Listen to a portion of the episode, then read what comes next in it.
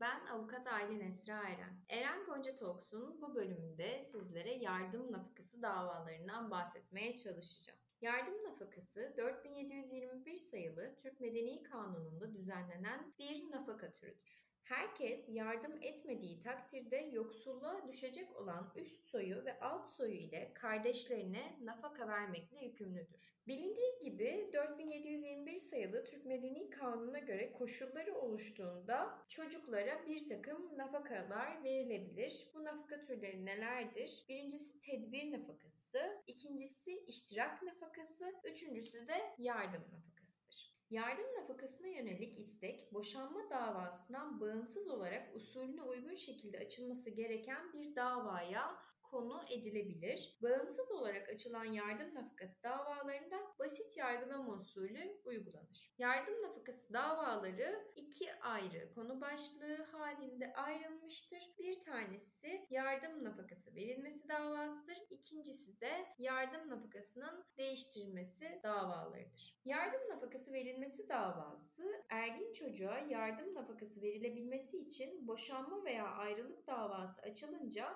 davanın devam devamı süresince çocuğa verilen geçici tedbir nafakasından farklı olarak usulüne uygun şekilde bağımsız bir dava açılmış olmalıdır der Türk Medeni Kanunu. Yardım nafakasının değiştirilmesi davaları ise iki ayrı başlık altında incelenmiştir. Birincisi yardım nafakasının artırılması davası, ikincisi ise yardım nafakasının azaltılması davasıdır. Yardım nafakasının artık ihtiyaç olmadığı kanısına varılırsa yardım nafakasının kaldırılması davası da açılabilecektir. Bu da aslında yardım nafakası davalarının üçüncü bir türüdür. Yargıtay 3. Hukuk Dairesi'nin yardım nafakası davaları hakkında vermiş olduğu emsal niteliğinde bir takım önemli kararları vardır. Bunlara birlikte göz gezdirmek gerekirse bir kararda şöyle der Yargıtay 3. Hukuk Dairesi. Yardım nafakası isteyenin kusuru ile yardıma muhtaç duruma düşmüş olması nafaka yükümlüsünü borcundan kurtarmaz. Yardım nafakası aile bireylerini yoksulluk ve düşkünlükten kurtarmaya ilişkin bir nevi sosyal yardımlaşma olup ahlak kuralları ile geleneklerin zorunlu kıldığı bir ödevdir. Yardım nafakası isteyenin kusuru ile yardıma muhtaç duruma düşmüş olması yükümlüyü borcundan kurtarmamaktadır. Aile bağlarının herhangi bir nedenle zayıflamış olması da yükümlülüğü ortadan kaldıran bir neden olarak düzenlenmemiştir. Bu nedenlerle kanun koyucu yardım nafakasını kişinin ve toplumun vicdanına bırakmamış, kanuni bir ödev olarak düzenlemiştir.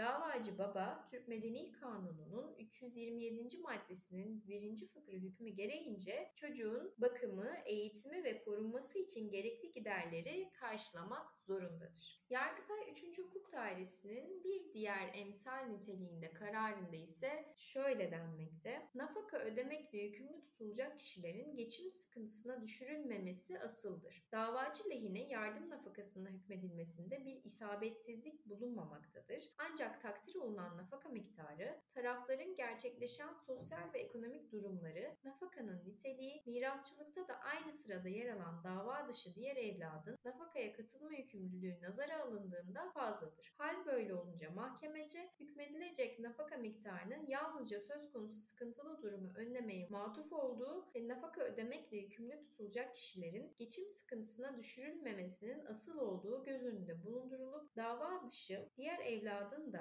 davacı annenin masraflarına katlanma yükümlülüğü dikkate alınarak hakaniyete uygun daha az bir miktar nafakaya hükmedilmesi gerekirken yanılgılı değerlendirilme sonucu yazılı şekilde talebin tümden kabulü doğru görünmemiş bu husus bozmayı gerektirmiştir demiştir. Yargıtay 3. Hukuk Dairesi'nin vermiş olduğu diğer bir kararda ise şöyle demekte. Askerde olunmasına rağmen açık öğretim fakültesinde okumaya devam ediliyorsa yardım nafakası kesilmez. Davalının askerde olmasına rağmen açık öğretim fakültesinde okumaya devam ettiği ve sınavlarına katıldığı anlaşılmaktadır. Yine her yıl okul kaydının yenilenmesi gerekecektir. Davalının yoksulluk içinde bulunduğunun kabulü ile davacının ödediği yardım nafakasının okul masrafları ile sınırlandırılarak indirilmesine karar verilmesi gerekirken davanın kabulü ile yardım nafakasının tamamen kaldırılmasına karar verilmesi doğru görünmemiştir. Geçmemiştir. Yargıtay 3. Hukuk Dairesi'nin bir diğer önemli kararı ise şöyle demekte. Eğitim için makul süre geçmemişse yardım nafakası verilebilir. Davacı lise mezunu olup dava tarihi itibariyle henüz 21 yaşındadır. Eğitim için makul süre geçmemiştir.